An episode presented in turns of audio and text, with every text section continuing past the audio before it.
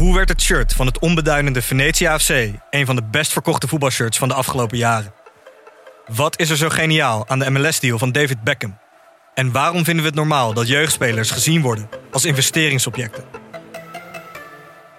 In de podcast Grof Geld onderzoek ik, Sam van Raalte, voetbaljournalist, samen met merkstratege Per van der Brink de macht van geld in de voetbalwereld. Wat gaat er schuil achter de wereld van sport en glamour? En wie profiteert er? Luister naar Grof Geld en hoor hoe de Skybox de staantribune beïnvloedt. Chefs de Mission wordt mede mogelijk gemaakt door Odido, partner van Team NL. Willem, Nienke. wat een aflevering weer, hè? Ja zeg, Stefan van den Berg op zijn surfplank. Ik wist dus dat het een eh, jaren 80 tieneridol was, maar nog niet dat het zo eh tieneridol tegen Willem Dank was. Echt, hè? Ja, wat heerlijk dat jij de Olympische race van Greg van Avermaat weer even voor het voetlicht hebt gebracht. Zoals ik dat dan noem, dat is echt een gevalletje positieve EMDR. Ja, dat en ook nog alles over de gemengde multihul. Ja, en de Nederlandse jongens in de trapeze en Bouillabaisse in Marseille Gaat dit nog steeds over zeilen? gaat nog steeds over zeilen. Het is toch Pieter van de Hogeman. Hij wint. Hij wint. Goud voor Ellen van Lange. Dubbel salto, de Flying Dutchman. En hij staat. Erik van Assen los. Volledig gaan. Volledig gaan. Daar is de tweede gouden medaille voor Nederland. Dit is gigantisch. Het is nog 254 dagen tot Parijs. En deze podcast, onze voorbereiding op drie weken fantastische sport kijken, is inmiddels 10 afleveringen onderweg. Ja, vorige week nog doken we in de tragisch verbonden levens van de Olympisch kampioenen wielrennen op de weg, Henny Kuiper en Fabio Cassotelli. En een paar afleveringen eerder ging het over het Dream Team van eh, de USA. Dat Barcelona op zijn kop zette met fantastisch basketbal door supersterren als Michael Jordan en Magic Johnson. Ja, en eh, twee weken geleden kregen we van jou een hele mooie introductie in de moderne vijfkamp. Dat eh, toch tikkie controversiële onderdeel van de Spelen waar maar zo weinig mensen van lijken te weten. En ik moet zeggen, ik krijg elke week een beetje meer zin in Parijs. Want laten we eerlijk zijn, deze wereld heeft gerust een sportief verzetje nodig, Nienke. Nou, echt hoor. Ehm, Willem, wat gaan we deze aflevering doen? Nou, ehm, in het Chefs de Mission Museum ruimen we een plekje vrij voor Greg van Avermaat. Die onlangs zijn wielrenfiets aan de wil ging. Ja, en we gaan het water op. In de boot en op de surfplank. Want het wordt hoog tijd om eens wijs te worden uit al die verschillende zeilklasses. Nou, Ja, en ondertussen ook nog het verhaal te vertellen van Stefan van den Berg, onze Olympische windsurfhunk van de jaren 80. Heb je nog eh, sport kunnen kijken dit weekend? Nou ja, er was natuurlijk het eh, WK Cricket. Nederland heeft de laatste wedstrijden van Engeland en India dik verloren. Ja, wel Dus- volgens verwachtingen. Ja, oké, ja, precies. Het zijn wel echt de cricketlanden natuurlijk. Ja. Dus ze zijn tiende en daarmee ook laatste geworden. Wel gewonnen van Zuid-Afrika en Bangladesh. Ja, dus het was niet eh, helemaal hopeloos, kwarttoernooi. Ehm en eh, ik eh, hoorde verrassend nieuws. Althans, ik las verrassend nieuws op nu.nl. Het gaat on. Ja, de provincie Friesland gaat er alles aan doen om het schaatsen op de winterspelen in 2030 te kunnen organiseren. Eh, als Zwitserland dan die Olympische Spelen binnenhaalt. Eh, Zwitserland heeft zelf namelijk geen grote schaatshal. En die hebben gezegd, als wij het eh, binnenhalen, dan gaat het schaatsen in Tialf in Heerenveen plaatsvinden. Ehm, ze hebben overigens ook nog Insel in Duitsland als optie. Maar hey, wie wil er naar Insel als je ook naar Tialf kan, denk ik dan. Ehm, en ehm, dat eh, wordt eh, volgend jaar juni beslist. Dus spannend. Misschien krijgen we gewoon een, een oh, nou niet een Olympische Spelen, maar in ieder geval een Olympisch onderdeel Ja. naar Friesland. Dat En- moet jou aanspreken toch, Nienke? Nou zeker. En het eh, is zeker heel goed nieuws voor de familie Vriesinger-Posma.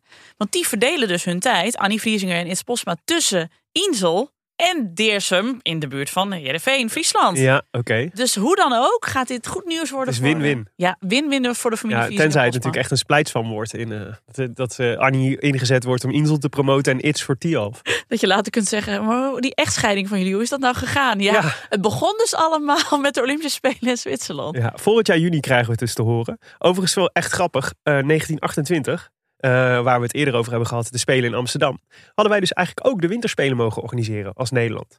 En eh, dat eh, had wat voet in de aarde, want Nederland dacht toen zelf ook al... Hmm, winterspelen in Nederland, dat lijkt me wat ingewikkeld. Maar Ja. dat was nou eenmaal een soort package deal. En uiteindelijk is het met dank aan een, volgens mij, Zwitserse ambassadeur... hebben ze uiteindelijk een soort diplomatieke oplossing gevonden... dat het naar Zwitserland ging, naar St. Moritz. Ja. Dus eindelijk doen de Zwitsers iets terug. Precies. Na 100 jaar. ja, Het zou verdomme tijd worden. nou inderdaad. Nienke, ik heb al de hele week Piet Veerman in mijn hoofd. I am sailing, I am sailing. Zeker, ja. We gaan zeilen. ja, jij gaat ons alles vertellen over zeilen. Ja, en zeilen doet dus al heel lang mee op de Olympische Spelen. Eh, het is alleen in 1896 niet doorgegaan vanwege het weer. Wind was te hard. Eh, en in 1904, die eh, Olympische Spelen in St. Louis, waar we het eerder over Ja. hebben gehad, ging het ook niet door, want ze, hadden daar, ze konden het daar niet organiseren. Nou. Oké. Maar vanaf 1900, dus vanaf Parijs, zitten er zelfs al vrouwen in de boten. Dus het is altijd al een, een gemixte sport geweest. Vind ik leuk aan het zeilen. Zeker. Nou, eerste, in de eerste jaren deden er dan boten, zeilboten mee. En die waren dan vernoemd naar hun lengte. Dus dan had je, dus daar kon je dan aan afzien wat voor bootje er dan in zat. Uh-huh. Nou, in de jaren daarna, als je wil wijs worden uit welke boten doen waar mee. Dat is eigenlijk bijna niet te doen. Want dat verandert bijna elke Olympische Spelen wel weer. Ja. De ene soort boot wordt eruit gehaald ten faveur van een ander soort boot. Dus daar is een hele snelle wisseling in. Houdt het zeilen ook aantrekkelijk. Ons eerste Olympische goud, weet je wanneer we dat eh, kregen? Eh, nou, ik vermoed eh, in de nazispelen. Bij de nazispelen. Ja, ja als, ik, als ik zeg drie keer raden, dan is het eigenlijk je altijd maar één keer of te raden. Friesland of de nazi. en Friesland kan het niet zijn. Nee, precies. Dat was in 36. Dat was eh, het goud voor Daan Kacheland in de Olympia-jol-klasse. Dat is een boot, de Olympia Jol. Ja, de Olympia-jol is een, klasse, is een, is een boot. En er Mhm. gaan er nog zoveel meer boten Ja. vallen deze aflevering. Eh, daarna heel veel zilveren en bronzen medailles. Waaronder eh, eentje voor Roy Heine. Heine. Oh, ja. Die later de, hoe heet het, die Whitbread Round the World Race. ja, precies. Ja. Nou, dat. Daar ken ik hem alweer van. Ja, Roy Heine. Zijn zoon is nu ook succesvol zeiler. Dorien de Vries, eh Margriet Matthijssen hebben allemaal brons of zilver gewonnen. Maar we moesten wachten tot het goud van Marit Bouwmeester in Rio in 2016 om weer eens Olympisch goud te winnen. Ja, In de zeilboot dan, hè? Dan hebben we het Uh-huh. niet over de, de surfplank. de surfplank, want daar gaan we het natuurlijk zo meteen over hebben. Mhm. Eh, wat je misschien nog wel bijstaat is bijvoorbeeld eh, het zilver van eh Marceline de Koning en Lopke Berghout in Beijing in 2008. Ja. Dat was heel erg mooi. Eh, Lopke Berghout is sowieso een succesvolle Olympische zeilster die we er even uit moeten halen. Want die won dus in Londen in 2012 met Lisa Westerhof ook alweer het brons. Ja. Dat zijn wel zeg maar die, die vrouwen Uh-huh. die nu in ons geheugen geprent zitten. Want als je kijkt vanaf 2000 tot nu zijn het toch die vrouwen die heersen in de zeilboot als het Ja. gaat om Nederlandse zeilers. Want ook Annemiek Bekkering bijvoorbeeld en Annette Duets die wonnen eh, in eh, Tokio nog brons. Ja, ik wilde zeggen het vlaggenschip van het Olympische zeilen in Nederland, maar dat klinkt een beetje gek hè? Ja. Maar dat is nu natuurlijk de grande dame van het Nederlandse zeilen is Uh-huh. natuurlijk Marit Bouwmeester. Ja. Ja. Ja. Ehm, zij won een zilveren medaille in 2012 in Londen. Een gouden medaille dus in Rio in 2016. En in 2021 in Tokio ook nog een bronzen medaille. Ja. En wat dus het knappe is, daarna is ze moeder geworden van een dochter, Jessie May. Mhm. En nu is ze dus druk bezig om weer terug te komen op dat Olympische niveau. ja, ze werd ook meteen Europees kampioen, toch? Precies. Ja. En ze is er bijna. Want Ja. op het laatste WK werd ze vierde. Terwijl ze bij de beste drie had moeten eindigen. Ja. Eh, ze, ze vaart nu in de ILKA 6 klasse. En dat is de voormalige laser radiaal klasse. Oké. Waar zij dus haar medailles in heeft. En daar vaar je in je eentje in. Dus het, is, eh, het zou ontzettend spectaculair zijn. Eh, ah, Ze moet Parijs wel halen. Dat kan toch bijna niet anders. Ja. Kan niet zo zijn. Het kan gewoon niet zo zijn. Maar ja, dat is ook het mooie van zeilen. Ik, ik kan nu zeggen, maar het bouwmeester moet Parijs toch wel halen. Maar dat is het mooie aan zeilen. Ja. Ja, je bent niet alleen afhankelijk van jouw eigen kracht. Nee. De wind moet je ook maar net gunstig gezind Ja, zijn. en volgens mij is het niet ook zo dat in haar categorie ook eh, best wel veel concurrentie is, ook al in Nederland. ja. Zij heeft, eh, dit is een hele sterke, sterke eh, ploeg, inderdaad. En een, gewoon een heel sterk veld. Ja. Dus we hopen het heel erg dus vanaf deze plek. Ja. Maar dit zet hem op. Ja. Dan heb ik nog een paar mooie verhalen gepakt uit de geschiedenis van het, van het zeilen, van het Olympisch zeilen. We moeten het bijvoorbeeld even hebben over Owen Churchill. Die won in. Familie van? Nee, nee, want het is een Amerikaan. Ah. Ja. En hij won in 1932 de eerste gouden medaille voor Amerika in het zeilen. In de 8 meter klasse. Oké. Zoals Kijk. ik zei, toen waren de boten nog naar meter vernoemd. Ja, ik moet zeggen wel een stuk overzichtelijker in mijn hoofd meteen. Ja, want 8 meter, dat kun je tenminste nog inderdaad zo Ja. een beetje uitmeten met je, Ja. met je beentjes. Ja, ehm, hij won ook heel veel eh, niet-Olympische medailles. Weet je, WK's en EK's en zo. Hij was hartstikke succesvol. Maar dat is niet waar hij bekend mee is geworden. Want weet je wat hij, Owen Churchill, heeft uitgevonden? Nou. De flipper. Oh, Ja, voor in het zwembad. de zwemflipper, de En zwemvliezer. eh, bij duiken. Ja, Precies. jeetje. Dat heeft hij dus uitgevonden in 1940. En die zijn later in de Tweede Wereldoorlog door de Amerikanen eh, en de eh, Britse kickforcers gebruikt. Ah, Ja, oké. grappig hè? Ik heb er zelf ook al heel veel plezier van gehad. Ja, wie, Ja. wie niet? Hartstikke leuk. Dat was ook echt dat was ook zo'n ding wat iedereen had. Ja. Flippers voor in het water. Eh, in 1984 hebben ze hem daarom nog geëerd op de Olympische Spelen van Los Angeles. Want dat was dus, eh, nou ja, in 32 had hij daar ook gewonnen. Ehm, toen hebben ze zijn boot gerestaureerd. En toen werd dat een soort van het vlaggenschip van het zeilprogramma van de Ah. Olympische Spelen al daar. goed. Met Owen Wilson voorop. Mooie symboliek. Leuk hè? Nou, als je het over Olympisch zeilen hebt, dan moet je het hebben over Paul Elfström. Oké. Ja, daar kan ik niks aan doen. Ja. Ja, ik, ik durf wel te zeggen de grootste zeiler ooit. In ieder geval de grootste Deense zeiler ooit. Maar het is gewoon de grootste zeiler ooit. Ja. Een Deen dus. ehm, eh, wint vier gouden medailles. Vooral in de Finn-klasse. Hij won als eerste goud in 1948. Eh, hij was reserve in Londen, ja. 1964. Deed ook mee in 1968. En in 1972. Wow, daar zit 32 jaar tussen. Precies. Ja. En in 84 doet hij ook mee. Dan zit hij bij zijn dochter in de boot. Ja. In de Tornado-klasse. En hij heeft zelfs nog meegedaan in Seoul 1988. Oh, wauw. Ja, en hij heeft dus in totaal acht Olympische optredens. En er zijn nog maar drie andere Olympische atleten die hem dat... Die dat hebben gered. Ja, Ja. dus, eh, Paul Elfström. En een fantastisch verhaal wat ik ook tegenkwam. Dat eh, speelt zich af in eh Seoul 1988. Uh-huh. Eh, we gaan naar de, de races in de Fin-klasse. De vijfde race in de Fin-klasse. Die werd tegelijk gevaren met de vijfde race in de 470-klasse. Oké, ja. En het was heel ruig weer. Dus eh, hoge golven. Echt onstuimig zeilweer. Eh Laurence Lumieux, dat was een Canadees en die deed mee in de Fin-klasse. Die zag dat Joseph Chen uit Singapore, die meedeed in de 470-klasse, overboord was geslagen. Lemieux lag op dat moment tweede Ja. in, zijn, eh, in zijn race. Maar aarzelde geen seconde en voer naar de andere boot om de omvarende te redden. I just had to get him out of my boat now. So I thought the safest place for him was back on his overturned boat. So I managed to sail back to his boat, and I was in the process of transferring transferring him back to their to his original boat when uh, my coach showed up because he had been given permission to go on the course, and uh, he knew that I was winning the race, and all of a sudden I, I'm nowhere to be found. So he came looking. So that was good because he uh, he took over from there and rescued them, finished the rescue. Uh, so I continued on racing, and uh, I think I ended up 23rd in that race. Nou, uiteindelijk eh, heeft de jury hem toch die tweede plaats gegeven waar hij op dat moment op lag. Ja. Eh, hij eindigde in het eindklassement in die Fin-klasse uiteindelijk tiende. Uh-huh. Dus niet dat er een medaille mee verloren ging. Ja.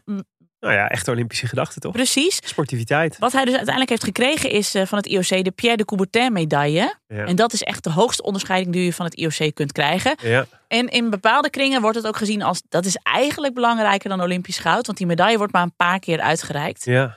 Ehm, ik zag daar een lijstje staan met namen. En toen dacht ik, dit zijn allemaal namen van mensen die wij in het, eh, in het Chef de Mission Museum moeten stoppen. Want dit zijn dus mensen die het heel uitzonderlijk hebben gepresteerd. Nou, daar ga ik eens in verdiepen. Laurence Lemieux uit Canada, die heeft hem dus. En wist jij, vond ik ook leuk, dat er ook heel veel royals mee hebben gedaan aan het Ja. Olympisch zeilen. Ja, dat idee. Of ze gaan eh, paardrijden of ze gaan zeilen. Dat is wel een beetje Ja, en zeilen was de royal mood. ook in de beginjaren ook een best wel een elitaire sport natuurlijk. Ja. De plebs hadden in 1900 nog geen zeilboot, Nee. snap je? Ja. Ehm, in eh, eh, München in 1972 deed bijvoorbeeld gewoon Carlos. Die was toen nog Spaanse kroonprins. Oh. Ja. Nu weggemoffelde Spaanse ex-koning. Ja, met een, precies. met een- ballingschap, toch? ja, met Ja. een redelijk raar palmares aan snuisterijen. Ja. Maar die deed toen mee in de drakenklasse. De drakenboten, ken je ze nog? Ja, Ja. ik ken dat alleen nog van soort eh, folklore, eh, van die races Ja. op het kanaal en zo. Nou, dat was in 72 gewoon Ja. Olympisch. En eh, hij eindigde toen als vijftiende. Mhm. Dus oké, onthoud het even. Want in dezelfde, dezelfde Olympische Spelen in München deed Harold, toen nog kroonprins van Noorwegen, Ja, nu ja. dus een oude man. En die eindigde tiende in de Soling-klasse. Oké. Nou, we fast forward naar Barcelona 92. Ja, Felipe, nu koning Felipe van Spanje, Ja. toen nog eh, eh, de zoon van de koning, dus Ja. de zoon van Groen Carlos. Die werd de zesde in de Soling-klasse. oké. Dus beter dan. Ja. Be- Nou, dat was dus ook het belangrijkste. Hij wilde gewoon beter zijn dan zijn vader. Snap ik. Dat is hem in ieder geval gelukt. ja. Heeft hij zelf ook nog kinderen? Want dan, eh, er zit nog wel wat ruimte tussen 6 en 1, zou je zeggen. Zeker. Dus eh, ik zou zeggen, eh, kleine Spaanse troonopvolgertjes. Ja. Ga je best maar doen. Ja. En hou de familie in ere.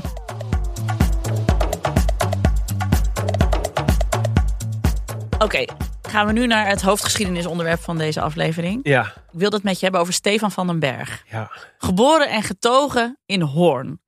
En eh, komt uit een echte watersportfamilie. Zij gingen vroeger met de hele familie ook, als ze op vakantie gingen, gingen ze met de zeilboot. Ze woonden op een woonboot. En deze Stefan, die dus al veel op het water spendeert, die leest in 1976 over de Amerikaan Robbie Nash, een jongen van 13, Ja. die op dat moment wereldkampioen windsurfen was geworden. En dan niet zeg maar in de onder 16 klasse of zo, maar gewoon bij de volwassenen. Wereldkampioen. Wereld, de uber, uber wereldkampioen. Ja. Ja. En windsurfen was toen nog een vrij nieuwe sport. Maar ja, Stefan van den Berg zag dat en dacht, dit is, dit is voor mij. Ja. Hij neemt een krantenwijk, omdat hij zijn eerste surfplank wil kopen. In Hoorn. In Hoorn, Ja. zeker. En eh, hij koopt die surfplank, hij begint eh, te oefenen. En eh, wordt in 1979 voor het eerst Nederlands kampioen. En hij zegt later, ik heb echt goed leren zeilen door, omdat ik altijd de haven van Hoorn in moest om weer bij huis te komen met Ja. mijn surfplank. Ja. En in zo'n haven is het natuurlijk heel veel laveren rondom andere boten. Alle Ja. doorgangetjes zijn smal. Gekke stromingen natuurlijk. Precies, het de wind komt van alle kanten. Ja. En hij zei, daar heb ik echt leren draaien en keren. Dus dat heeft me ontzettend geholpen. Ehm, als ze op vakantie gaan dus, dus met die boot, dan gaat Stefan steeds achter de zeilboot aan met zijn surfplank. En dan zeilt hij gewoon uren achter ze aan totdat zijn armen. Ja. echt totdat zijn armen eraf vallen. En hij zegt zelf daar later ook over van dat is ja, de plek die ik daar heb gekregen, zeg maar. Dat was echt de plek waar ik thuis hoorde, op die surfplank. Ik voelde me daar zo thuis Ja. op het water. Het is zo onvoorspelbaar. Je hebt zo de ruimte. Het was ook geen studiebol. Het was geen jongen die het op school goed deed. Dus dit was, hij Ja. voelde zich helemaal thuis daar. En ehm, in 79 wordt hij dus Nederlands kampioen. Maar in 1981 wordt hij meteen wereldkampioen. En die Robbie Nash komt hij dan op die momenten dus tegen bij de wereldkampioenschappen. Ja. En hij wint er een paar van Robbie Nash. En op een gegeven moment zegt hij ook van... kun je er nou niet eentje voor mij overlaten? Nee, zegt Stefan van den Berg, zeker niet. En het grappige is dus dat Robbie Nash daarna eigenlijk gestopt is met professioneel... of om de prijzen Ja. eh, te surfen. Die, die kon gewoon niet tegen zijn verlies. En Stefan van den Berg zegt later... Ik, Robbie Nash was volgens mij gewoon een betere zeiler. Ja. Krachtiger en zo. Ja. Maar uiteindelijk verloor hij toch altijd van Stefan, want die kon gewoon de wind supergoed lezen. Nou is het wel grappig het verhaal wat erachter zit. Eh, eh, er is een mooie andere tijden sport gemaakt over Stefan van den Berg. Ja. Er wordt ook uitgelegd hoe dat windsurfen nou in Nederland zo'n hype is geworden. Want in de jaren tachtig was dat dus een hype. Ja. En dat is dus begonnen, I kid you not, in Almelo. Oké. Dat verwacht je niet. Nee. In Zou ook Almelo... niet de eerste plek zijn waar ik aan denk. Horen ook niet trouwens, maar goed. Nee, nou ja, Hoorn is toch in ieder geval Ja. aan het water. Er heeft tenminste nog een haven. Almelo geloof ik niet. Ehm, in Almelo had je een hele bloeiende textielindustrie, hè, zo eh, rond Ja. eh, het begin van de 20e eeuw. Ja. Maar die was in de jaren 70, eind jaren 70, helemaal in elkaar gestort. Uh-huh. En de grote textielbedrijven daar moesten dus op zoek naar andere manieren van inkomsten. Ja. En ze hadden daar een marketingmanager en die zag in een of ander tijdschriftje, zag hij windsurfen staan. Ja. En toen dacht hij, ja, die zeilen moeten ergens van gemaakt Ja, worden. daar zit veel textiel in. Daar zit veel textiel in. Ja. Dus die Martin Spanjer, die denkt, dit moeten we gaan doen. Die importeren een aantal eh, surfplanken. Die maken daar zeilen voor.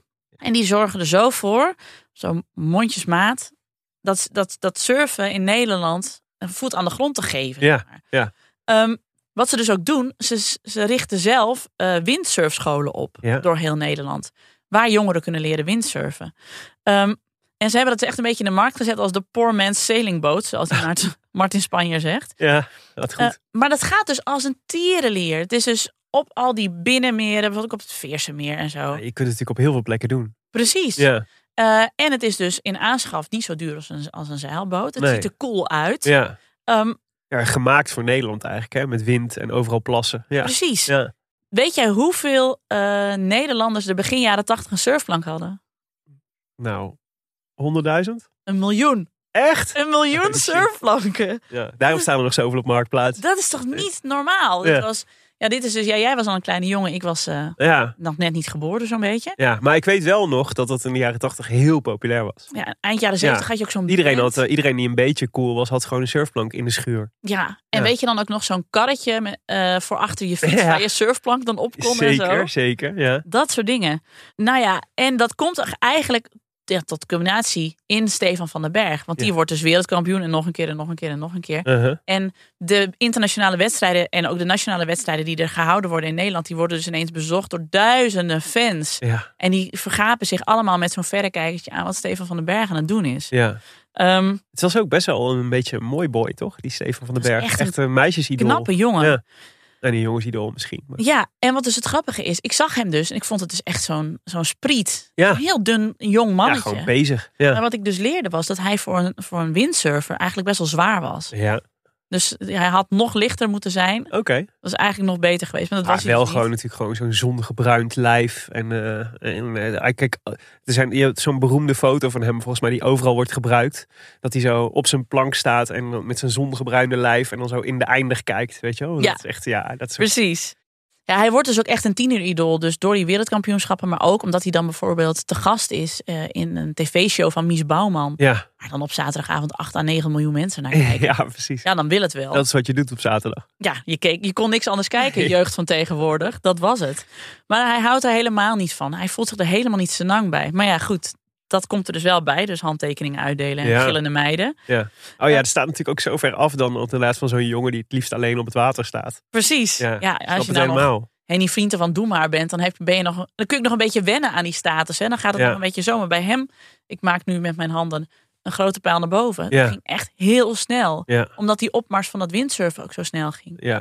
Nou, dat komt allemaal samen in de Olympische Spelen van Los Angeles in 1984. Er is op dat moment heel weinig wind. En dat is dus heel ongunstig, want eh Steven van den Berg is dus best zwaar. Ja. Dus hij heeft best wel Dan zink je gewoon. leuk bedacht. Nee, je komt wel minder snel vooruit, Willem Ja. Dudok. Dus de lichte eh, zeilers waren op dat moment in het voordeel. Zijn coach had gezegd, hou je nou rustig. Ja. Want het was wel Steven van den Bergs eerste natuur. En dat snap je natuurlijk ook wel. Dat je dan toch trucs gaat uithalen. Ja, gaat ze pompen toch? Doen ze Ja. dan? ja. Nee, rust, hou je rustig. Er waren zeven wedstrijden zouden er eh, gevaren worden. Ja. Die eerste vier waren, dus was er weinig wind. Toen heeft hij dus, dus heel rustig gehouden en een beetje in de middenboot meegezeild. Ja. De andere drie was er meer wind. En daar pakt hij dus de winst op dat moment. Ja. En hij wint daar dus goud. Oké, morgen ik heb naast me Steven van den Berg. Hij is net als derde gefinished en hij is eh, gouden medaillewinnaar hier bij de windglijden. We hebben hem naast ons. Stefan, eerste reactie graag. Ja, gewoon fantastisch. Ik ben echt eh, heel blij. Ik denk dat alles nog wel van me afvalt. Dus de, eh, ja, gewoon de hele druk, die druk die de laatste week gewoon op me geheerst heeft. Dat was dus een groot succes. Eh, Steven van den Berg wordt dan ook dat jaar sportman van het jaar. En zijn sterrenstatus is dan Nog meer roem. Ja. enorm. Ehm, maar daar kan hij dus helemaal niet mee omgaan. Hij vindt dat verschrikkelijk. Al die aandacht, die gillende meiden. En later vertelt hij dat hij later gediagnosticeerd is met een lichte vorm van autisme. Oh ja. Dus hij zei Maar dat die was twee dingen gaan moeilijk samen. ja, tieneridool zijn autistisch. dat is niet wat je wil. Nee, want hij zei dus letterlijk van communicatie over gevoelens en zo. En dat je gevoelens, dat is een soort van Chinees, zei hij voor mij. Daar kan ik gewoon niks mee. Ja. Dus, en dit, En dat is natuurlijk alles waar de hitkrant de hele tijd naar vraagt. ja, precies. Ja. En, en waar die meiden de hele tijd een beroep op doen. Van, en wat voel je nou? Wat gaat er door je heen? Oh, ik is- voel het ongemak. ja, Ja. het was gewoon helemaal niks voor hem. En eh, nou, hij had dat goud gewonnen. En hij zei, het was dan ook echt een anticlimax. Hij ging daarna verder als professioneel surfer. Dus Uh-huh. mocht hij ook niet meer meedoen aan de Olympische Spelen. Ja. Maar dat deed hij dus vooral omdat hij dan die zonnige oorden zoals Florida en Hawaii kon Ja. surfen. Lekker weg van die Nederlandse hypes. Echt lekker weg Ja. van al die fans in Nederland. Kon er weinig mee. Ik had er eh, in, in, in verbaal ook, ook eh, ik had niet die verbale kwaliteit om daar eventjes een heel leuk gezellig gesprek met een of andere vent te gaan houden. Dus later kom je wel achter dat dat, dat ook een oorzaak wel heeft met, met, met hoe je als persoon eigenlijk bent. En zo kwam ik ook later achter dat ik in die gesprekken eigenlijk vastliep. Want er hangt ook een klein stukje van autisme aan. En daardoor zit je in, in een... in, in dat soort gevoelsgesprekken gewoon heel moeilijk. Hè, dat, dat- je komt daar in, in bepaalde woorden gewoon niet mee uit. Je begrijpt niet waar ze het over hebben. Want je verstaat die taal eigenlijk niet. Nou, in prof, als prof mag hij dus in 1988 in Se- Seoul niet meedoen. In 92 stellen ze natuurlijk de Olympische Spelen open ook voor professionele sporters. Dan Ja. doet hij weer mee. En dan wordt hij zevende. In Barcelona. Ja. in Barcelona. Ehm, hij zegt ook wel van, ik had zo mijn doel gesteld op dat goud winnen in 1984. En toen had ik het en dan is het eigenlijk een soort anticlimax. Ja. Want hij zegt, het moment dat je daarna denkt, ja en nu? Uh-huh. Dan heeft eigenlijk die medaille al geen waarde meer voor je. Ja. Het is gewoon iets wat je hebt afgevinkt. Ja. Hij praat daar zelf op een hele ja, nuchtere, bijna analytische manier van, van. Dat moest ik gewoon halen, dat heb ik gehaald. Ja. En daarna ja, ging het leven dus gewoon door. Het is niet dat hij Ja. We hebben Bas van der Goor hier gehad. Die heeft verteld hoe zijn leven ook is veranderd natuurlijk Ja, door het zeker. En dat heel veel dingen gefaciliteerd heeft ook. Ja, maar die ook nog met heel veel liefde terug, of, terugkijkt op die tijd. Ja. Steven van den Berg echt niet. Ja. Die zegt in die andere tijden ook van jullie interviewen mij hier nou over dat Olympisch goud. Maar ik vind het veel belangrijker hoe ik bijvoorbeeld mijn kinderen heb opgevoed. En dat ik Ja. met mijn broers een, een, een, een winkel, een zeilwinkel in Hoorn heb. Dat is, dat is, daar interview je me niet over. Alleen Nou, om niet in deze podcast, Stefan. Nee, sorry. Nee, wij zetten jou gewoon op een voetstuk. Het windsurfen in Nederland eh, verliest ook snel zijn glans. Omdat, ja, ook na 1984 Uh-huh. wordt windsurfen steeds meer iets voor dus die blauwe zeeën. Dus die marketing, Ja. alle foto's die je daarna zag, weet je, Oh, ja. zag je dus ook van die blauwe, blauwe water, gele stranden, palmbomen en dan Ja. zo'n surfer. Ja, Dat is toch die van die net- mooie fluoriserende kleurtjes en zo. Precies, maar dat is dus net wat anders dan, ja, eh, in het eh, vroege voorjaar op het Veerse meer in Ja. een neoprene wetsuit, zeg in de maar. Ja. Ja, dat is heel wat anders. Ja. Dus dan, ja, het is ook wel echt, ja, je kon ook wel zeggen, bijna, er hadden ook niet meer mensen nog een surfplan kunnen kopen. Dus je bent op een gegeven moment ook gewoon, zit je aan het plafond van wat je kunt halen maximaal aan, Ja. aan, aan verkochte surfplanken. En daarna is het gewoon langzaam Ja. naar beneden gegaan. Was dat niet ook een beetje de tijd dat het dan dat golfsurfen een beetje toenam? Dus dat het zeg maar dat je dat dat het eigenlijk Ja. ook voor een deel overnam. Ja, en we gaan het straks nog hebben over het, Later over- kiten natuurlijk en zo. ja, ja. en het, het einde van het windsurfen ook olympisch. Het is natuurlijk in Tokio was dat het laatste. Ja. Eh, de laatste keer dat ze dat hebben gedaan. En ze zijn ook veranderd naar nu een andere eh, manier van windsurfen. Omdat dat, eh, eh, dat RX planksurfen, dat is best wel duur in aanschaf. Dus Uh-huh. het is niet zo dat kinderen op jonge leeftijd daarmee beginnen. Ja. En het is dus ook eh, eh, ja, vergeleken met wat we nu krijgen, dat foilsurfen, veel, dat is veel sneller en veel attractiever. Ja. Windsurfen is toch vooral gewoon, ja, zoals je het ook nog uit de jaren tachtig kent. Ja, precies. Ja, het was denk ik in de jaren tachtig was het het hipste ding om te doen. Maar daarna daar wordt, daar wordt, ste- komt steeds iets nieuws bij natuurlijk. Wat- Ja. Waardoor dat dan in één keer heel oudbollig voelt. Ja, nou ja, je kunt eh, meteen eh, de, de link wel leggen. Ik bedoel, in de jaren 80 was Mies Bouwman ook ongeveer het gaafste wat Ja. we hadden op de Nederlandse tv. En die zou het anno 2023 ook niet meer hebben. Nee, precies. Ja, volgens mij kom je nu hooguit nog een verdwaalde 50 of 60er tegen op een surfplank. Ja, precies. Ja. Ja, ik denk het wel. Ja, de, als je echt cool bent, nu ga je inderdaad kitesurfen. ja precies. Maar dat is dus het verhaal van Steven van den Berg. Hij, eh, hij blijft dus zeilen. Hij heeft een, eh, een, een zeilwinkel in Hoorn en is eh, hartstikke gelukkig. Maar dat komt dus niet eigenlijk door die gouden medaille. Oh. Nee.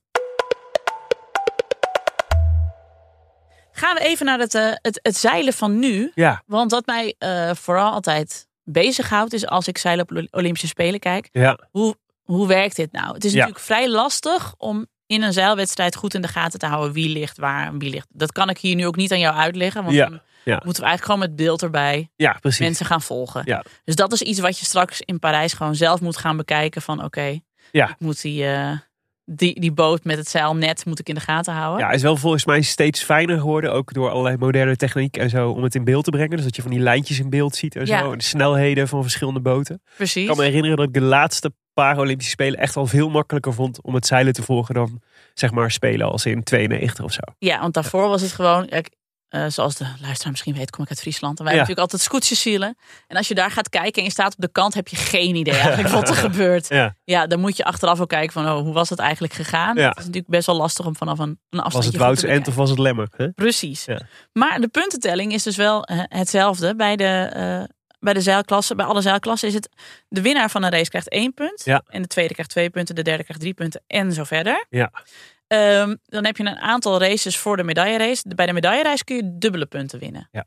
Maar het kan dus prima zo zijn dat jij geen enkele race wint, ook niet de medaillerace, en dat je toch goud wint. Ja, Dit- dus dat je altijd gewoon top drie consequent. Precies, als Ja. je gewoon heel steady hebt ge- Ja. gevaren. Precies. En anderen hebben veel flegmatieker gevaren en zijn eh, een paar keer misschien voorin Ja. geëindigd en een paar keer flink achterin. Ja, wat best kan natuurlijk, want het gaat heel veel over risico nemen. Dus risico kan heel goed uitpakken en heel slecht. Ja. En wat we dus ook bij Stefan van den Berg hebben geleerd is, het ligt dus ook heel erg aan de wind. Als de wind gewoon een hele week niet in jouw voordeel is, Ja. je kunt dus zeven, stel hij had zeven races gehad met, licht, met amper wind, Ja. had hij waarschijnlijk geen goud gewonnen, want dan was hij nooit voor aangeëindigd. Ehm, maar de bouwmeester die won in Rio ook gewoon Olympisch goud zonder ooit een wedstrijd te winnen. Voor Parijs in 2024 eh, gaan we zeilen in Marseille. Uh-huh. Dus, dus even een paar uur met de Thalys eh, Ja, richting het wel zuiden. echt geweldige, geweldige havenstad. Geweldige backdrop voor zo'n eh, voor zo'n toernooi, toch? hè? Echt, hè? Lekker bouillabaisse eten in de haven. Een beetje zeilen kijken. Ja, nou, teken ons alvast maar in daarvoor. Ehm, in Parijs heb je twee gemengde boten, dus man en vrouw samen. Dat zijn de 470 en de Nacra 17. Plus vier vaartuigen voor de, de mannen en vier voor de vrouwen. Dus in totaal tien evenementen. Oké. Die evenementen zijn als volgt. Hier komen ze. De mannen één persoons dinghy. Dat is de Ilka 7, laser. En die heet bij de vrouwen, de eenpersoonsdinghy, heet de Ilka 6. Oké. En dat is dus de voorheen laser radiaal. Dus de Ilka 6, dat is waar Marit Bouwmeester in Ja. te zien is. Ja. Je hebt de mannenskif, de 49er, de vrouwenskif, de 49er FX. Eh, de mannen kiteboard, nieuw. De vrouwen kiteboard, ook nieuw. Dat heet allemaal Formule Kite Class. Ja. Klinkt ook echt goed. Ja, dus dat is gewoon kitesurfen. Ja. Ja. En eh, het windsurfen heet dus nu IQ Foil Ja. voor mannen en vrouwen. En dat is dus dat het op zo'n kleiner bordje hè, met zo'n dingetje eronder. Ja, zo'n hele hoge vin, toch? Ja. Ja, Waarmee je dus hoger op het water ja staat. zo'n beetje alsof je eroverheen zweeft. Het, is ziet het. er, ja, het is echt, je, het is echt Jezusachtig. Ja. zeg maar. Het is echt fantastisch. Ja. En het gaat mega hard. En dan heb je nog de, dus de gemengde boten. De tweepersoons dinghy, dus dat is de 470. Die is dus ook nieuw. En eh, de gemengde multihul, dat is de Nakra De multihul. Ja, jij hebt ook Jiske Vet gekeken vroeger, hè? Ja, zeker. Ja, dat dacht Ja. ik wel. De Nakra 17. Ze moeten dus, dat wist ik ook niet, alle deelnemers in een klasse gebruiken exact hetzelfde model van de boot. Ja. Dus je kunt misschien wel in, in het tuig dat je gebruikt en zo. eh, maar voor de rest moet, moet het zo, zoveel mogelijk eh, gelijk zijn. En dan hebben we natuurlijk wat kanshebbers. Allereerst, nee, laat ik de Nederlanders voor het laatst bewaren. Hè? Ja. Niet, niet te nationalistisch zijn. Ehm, Groot-Brittannië is altijd goed in zeilen. Altijd al geweest. En ehm, die hadden hele goede Olympische kampioenen in Rio en in Tokio. Bijvoorbeeld Hannah Mills en Giles Scott. Maar die zijn dus met pensioen gegaan. Dus die hebben ze niet meer. Ja. Maar zij hebben nog wel eh, de zilveren medaillewinnaars van Tokio. Dat zijn John Gimson en Anna Burnett in de NACRA 17. En de Europese bronzen medaillewinnaar Emma Wilson. Dat is op de foilen. Dus Uh-huh. die, daar kunnen we veel van verwachten. Brazilianen, ook goed. Martine Grael en Kahena Koenze in de 49er FX. Want die hebben dus al twee Olympische gouden medailles. En die willen dus nu de derde gaan winnen. En dan zouden ze het eerste Olympische duo zijn die drie op drie op een volgende Olympische Spelen een gouden medaille wint. Oké, mooie ambitie. Zeker. Maar eh zij krijgen concurrentie van de Nederlanders. Odile van Aanholt en Annette Duet. Want die wonnen het WK in 2022. Oké, Dus die hebben ook serieus kans dat klinkt daar. goed. Ja. Ja. We hebben ook, zeg maar, voor de Nederlanders. Het is dus nog maar de vraag of Marit Bouwmeester meedoet. Maar Bart Lambrieks en Floris van der Werken. Die mag je nou ook goed in de gaten gaan houden. Want die wonnen in de zomer van 23 hun derde wereldtitel op de 49ers kif. Ja. En dat is dus blijkbaar de meest prestigieuze klasse hè, op de Spelen, de 49er. Dat is, eh, als we het dan hebben over die boten. Ja. Dat zijn die dingen waarbij je, als ze allebei in een trapeze, in zo'n in zo'n in zo'n tuigje buiten de boot hangen. Ja. En ehm, in de Volksstand zeiden ze erover. Het is de wiebelboot waarin Bart Lambrieks en Floris van der Werken zich het meest uitgedaagd voelen. De 49er kan door de smalle romp zomaar kapseizen. Zo instabiel is het vaartuig. De snelheid ligt hoog tot voorbij de 40 km per uur. Oké, dat is in hard. de ja. trapeze, stuurman en bemanning uitgestrekt naast elkaar met de voeten op de brede wings vlak boven de golven, is acrobatie vereist. Apenkooien noemen ze het. Mooi. Ja, klinkt leuk. Ja, dus daar heb ik echt heel veel zin in. Ja. Ja, je kunt je echt voorstellen dat het een fantastische kijksport zou kunnen zijn. Als je het goed in beeld kan brengen met eh, goede close-ups en zo. En dat je de race goed kan snappen. Volgens mij is dat heel lang dus inderdaad de uitdaging geweest bij zeilen.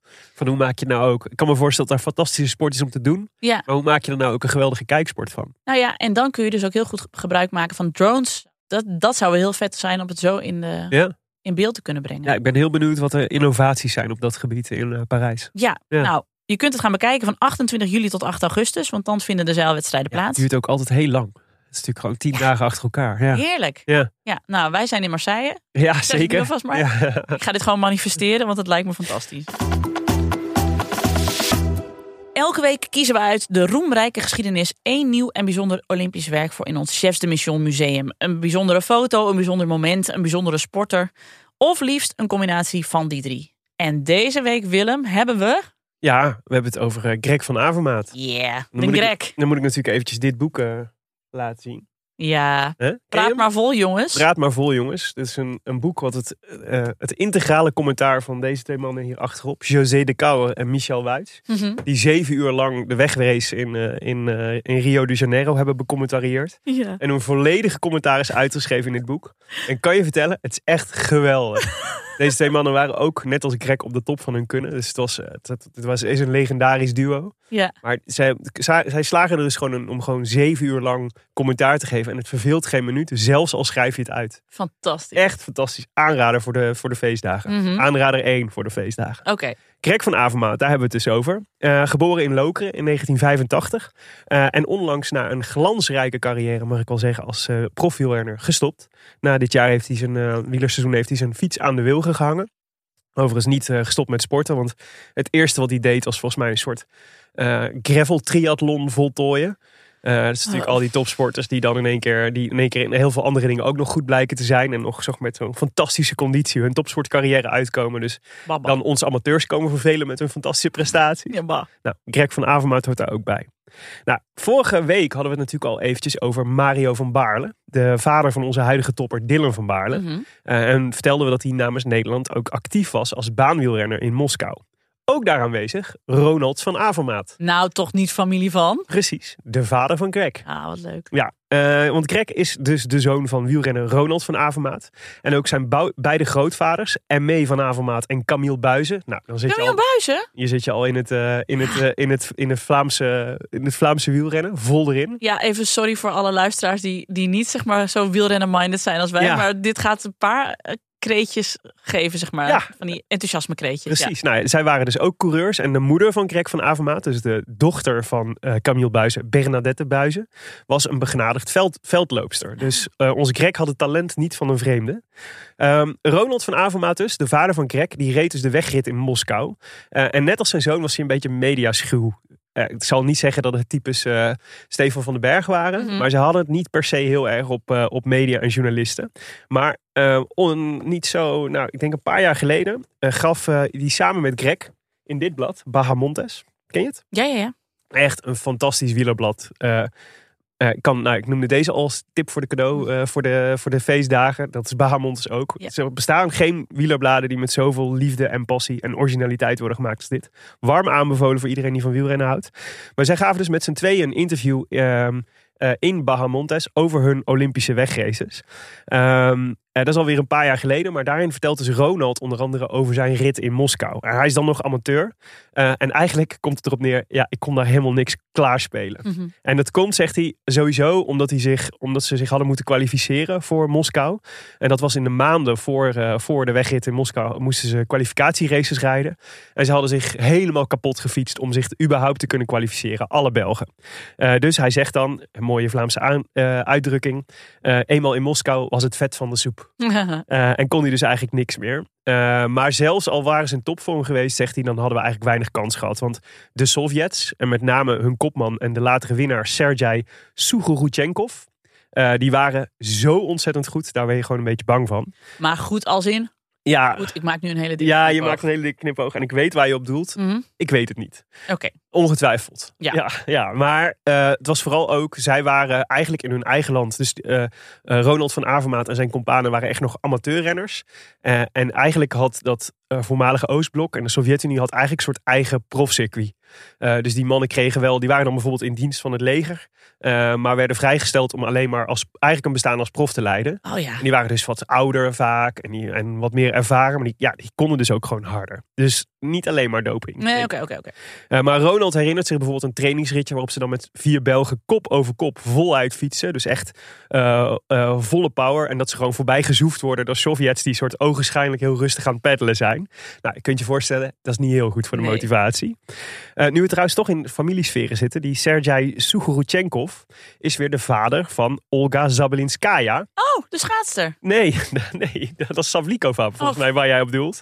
Ik had precies dezelfde verwarring. Oh. Nee, Zabelinskaya is, uh, uh, werd, won het brons op de Olympische wegrit van Londen 2012 achter Marianne Vos. Oh.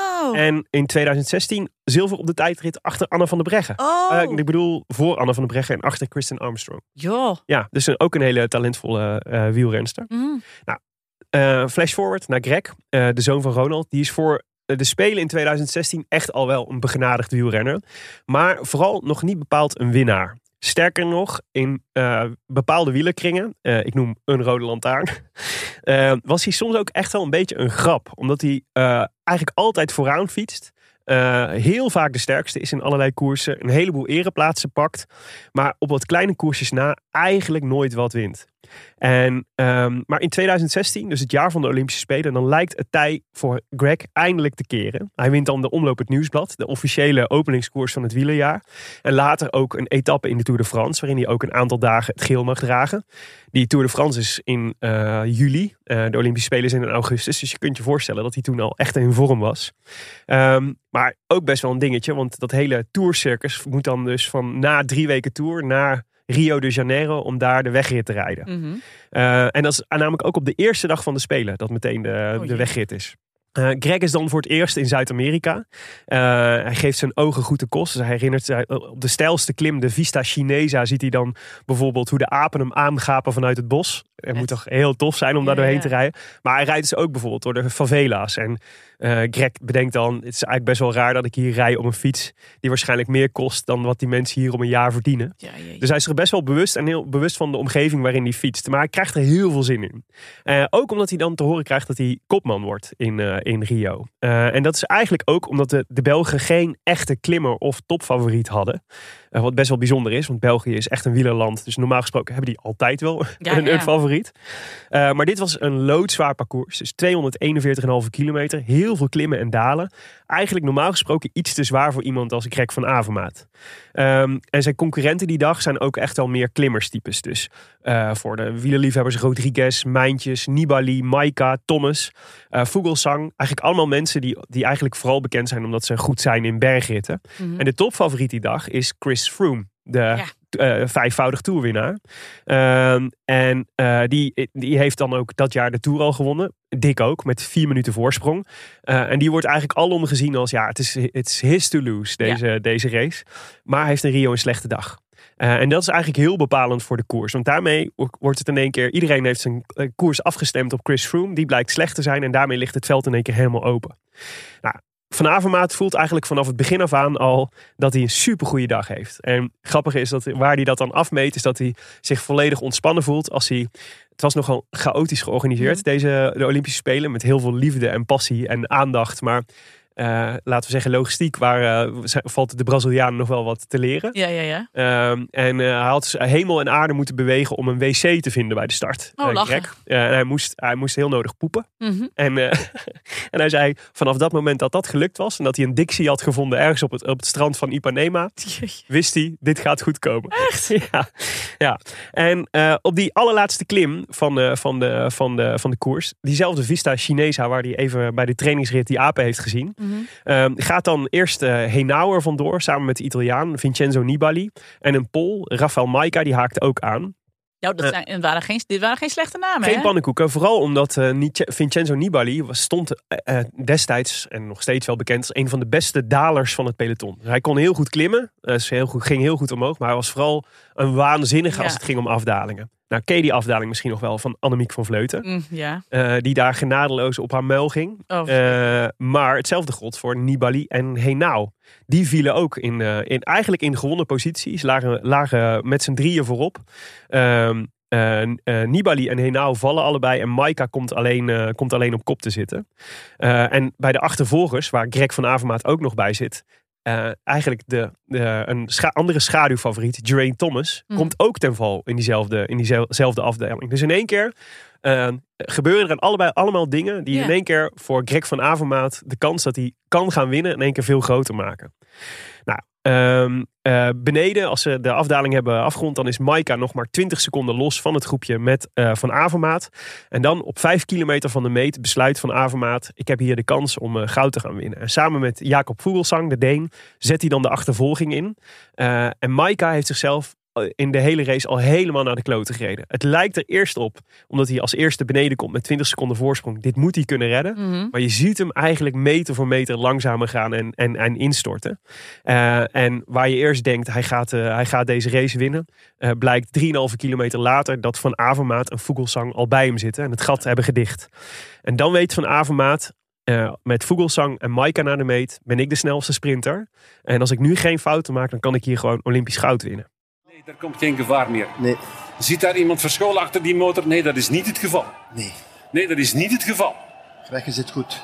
Dat is niet het geval. Als men naar 300 dit, meter nog. Als men naar dit overleeft, dan overleef ik alles, denk ik. 300 meter nog. Nu uitkijken, zorgen dat je niet te Vogelsang staat, aan de kop. Zorgen dat je niet te groot staat. Van Omkijken. Avermaat. Heel verstandig, goed, oppassen. Maika, derde positie. Ja, je hoort de spanning in, in de stem van Michel Wuits. Die ook een enorme Van Avermaat fan is. En daar volgens mij op dat moment, nou, hij zegt het zelf. Als, als mijn hart dit maar overleeft. Dat gevoel heb je ook heel erg. Eh, maar het komt dus inderdaad neer om een sprint. Dus Van Avermaat, Maika en Vogelsang gaan met z'n drieën sprinten om goud, zilver en brons. En dan Aanzetten. Volle bak doorgaan. Alles uit het lijf sprinten. Geven, jassen, vlassen. En Olympisch goud. Niemand anders. Olympisch goud. Olympisch goud voor Greg van Avermaat. Voilà! Bekroning van een supercarrière. Van Avermaat pakt goud aan de Copacabana. Yes! Ja, grote vreugde bij de Belgen. Grote vreugde ook in eh, Huizen Dudok, kan ik wel vertellen. Want Ja. dit was natuurlijk echt fantastisch. Het was echt een fantastische race. Dit, ja. Ja. ik ben weer helemaal terug. Helemaal terug, hè. En eh, wat ik een mooi detail, zijn ploeggenoot Laurens de Plus, ook een begenadigd eh profielrenner, is dan een jaar of twintig. En die komt echt huilend over de streep van trots. Zo blij en zo trots dat hij een onderdeeltje van het succes heeft mogen zijn. Ja, ehm, eh, beloning van een supercarrière, zegt Michel Wuits in zijn laatste, eh, laatste puntjes. Ja, eh, de supercarrière kwam eigenlijk pas daarna. Want na zijn titel, Olympische titel, bleef Van Avermaat echt magische jaren. Dus hij wint in datzelfde jaar nog de Grand Prix Montreal, een- koers in Canada. Maar vooral het voorjaar daarop wint hij de Omloop het Volk, Gent-Wevelgem, de E3-prijs, Parijs-Roubaix. Het lijkt alsof de, de dop is van de ketchupfles. Ja, ja. Eh, de, het is, hij, is er, hij, hij is er ineens. Eh, en doet hij allemaal met een gouden helmpje op. Want dat heeft op dat moment zijn intrede gedaan in het wielerpeloton als de beloning voor de Olympisch kampioen. En natuurlijk, je kent de wielercultuur, het allemaal- gaat allemaal heel erg over truien. Zeker. Er is geen Olympische kampioenstrui. eh, maar daar hebben ze dus voor bedacht dat je eh, een gouden helm en gouden accenten op je fiets mag je, mag je, een jaar, mag je vier jaar lang rondrijden. Fancy. Echt fancy. Ja, Greg zegt zelf, eh, ondanks alles wat hij gewonnen heeft, eh, en dat vind ik ook wel bijzonder, ook eh, in relatie tot wat we vorige, waar we het vorige week over hadden, Mhm. over dat de wegwedstrijd bij het wielrennen toch lang een beetje ehm, nou, niet zo belangrijk was in, het wieler, in, de, in, de, ehm, in de wielerwereld. Greg is daar zelf heel duidelijk over. Die zegt, die gouden medaille is echt het absolute topmoment uit mijn carrière. Ik zou het met niks willen ruilen. Zelfs niet met drie zegens in Roubaix of met vijf rondes van Vlaanderen. Ik word elke dag geconfronteerd met de Olympische titel. In elk interview, bij elke nieuwe ontmoeting. En elke keer als ik ga trainen of koersen, zie ik die gouden helm of die gouden tint op mijn fiets. Eh, en het is de enige overwinning die over de hele wereld telt. Het gaat over alle sporten en grenzen heen. Toen ik over, in Rio over de meetbolde, wist ik, mijn carrière is geslaagd. Mooi man. Eh, vader Ronald, die zegt eh, dat hij de wegrit, want die zat namelijk in België te kijken, dat hij de wegrit al minstens 50 keer integraal heeft teruggekeken. Schat. Zo lief hè. Eh, elke keer zegt hij, voel ik de euforie opnieuw. En echt achteraf houd ik er telkens een heel goed gevoel aan over. Ja man. Mooi hè? Ja, maar ik kan me ook wel voorstellen dat Greg dit heeft. Want, maar dit, dat komt ook omdat deze koers zo fantastisch was. Je hebt ook Olympische koersen die veel minder in je geheugen zitten. Deze was zo Ja. fantastisch met al die uitvallers en met die klimmen en het dalen. Het was Ja. zo'n spektakel. dat onverwachte einde. Ja. Ja. dus het was ook... Als je dan denkt, dit, dit, dit gesprek heb ik vaak met mezelf. Als je in zomergasten zou zitten, wat zou je laten zien? Ja, Als het op wielrennen aankomt, is dit echt een goede kans. ja zeker. Dat maakt hem ook zo speciaal. Ja. Dankjewel dat je dit weer eventjes voor in mijn geheugen hebt gezet. Daar ben ik erg blij mee. Het Chefs de Mission Museum kun je vinden op Instagram. Dat eh, kun je vinden op Chefs de Mission. Heb je nou suggesties? Volg ons dan daar vooral en stuur ons even een berichtje via Instagram. En dan bouwen we samen aan een hele vette collectie. Ja, we kregen nog wat eh, berichten van luisteraars, waaronder Mhm. van eh, Mart van der Slot. Die vroeg wat ik nog miste aan de aflevering over de moderne vijfkamp, is hoe deze sport er door het jaar heen uitziet. Is er eigenlijk een competitie of zijn er alleen toernooien? Nou, Nienke de Jong, Ja, we hebben dus... van de moderne vijfkamp. Jazeker. Ja, Kom er maar in. Elk seizoen zijn er eh, wereldbekerwedstrijden, Mart. Dit jaar waren er van maart tot juni vijf, waarvan één dan finale, eh, in de moderne vijfkamp. Er is ook een ranglijst aan de hand van de resultaten van deze wedstrijden. Eh, daarnaast zijn er nog wereldkampioenschappen, Europese kampioenschappen en nationale kampioenschappen. Maar dit verschilt per land. En dan heb je nog laser run wedstrijden. De Global Laser Run City Tour. En dat is de combinatie van rennen en schieten in de moderne vijf. Ah, dus eigenlijk gewoon twee onderdelen van Ja, de vijf. Twee van de vijf. Oké. En we kregen nog een bericht van eh, Lisa Vogelpoel, die ons onlangs vroeg om tips voor Parijs. En dan specifiek of er plekken waren, sportlocaties bijvoorbeeld, die nu al konden worden bezocht. Nou, eh, eerlijk gezegd, Lisa, geen idee, want wij zijn al veel te lang niet meer in Parijs geweest. Dus ehm, toen dacht ik, eh, laten we Lisa zelf op onderzoek uitsturen, want die ging naar Parijs. Dus ik dacht, let maar even op en, en kom maar even met een terugkoppeling. En ze schrijft, nou, we zijn in Parijs geweest, in de stromende regen, maar dat terzijde. Gelukkig dat het daar ook zulke zeik weer was. Precies. Eh, er was nog bar weinig te zien van de Spelen, behalve een aftelklok aan de Seine, vlakbij de Eiffeltoren. En achter de Eiffeltoren een tijdelijk gebouw, het Grand Palais Éphémère, waar straks onder meer het judo-toernooi zal gaan plaatsvinden. Dus die kun je al wel bekijken, maar verder is er nog eh, niet zo heel veel te zien, kennelijk. Nou, eh, over kijken gesproken. Wat gaan we de, de komende week kijken, Willem? Nou, ja, het is een beetje karig momenteel. Eh, we gaan natuurlijk de winter in, dus het eh, wordt langzaam maar zeker wordt, eh, wordt de eten overgenomen door schaatsen en zo. Ja. Hartstikke leuk. Maar Ook ja, leuk. wij zitten natuurlijk met onze gedachten bij de zomerspelen en nog niet bij de winterspelen. Vanaf vandaag, eh, woensdag 14 november, tot en met zondag de wereldbeker dressuur en springen in Stuttgart. Dat is eh, wellicht leuk om te kijken. Eh, maar anders zou ik zeggen, kijk lekker even van andere tijden sport terug dit weekend. Want daar, ik had laatst weer eens eventjes het archief bekeken van al die seizoenen.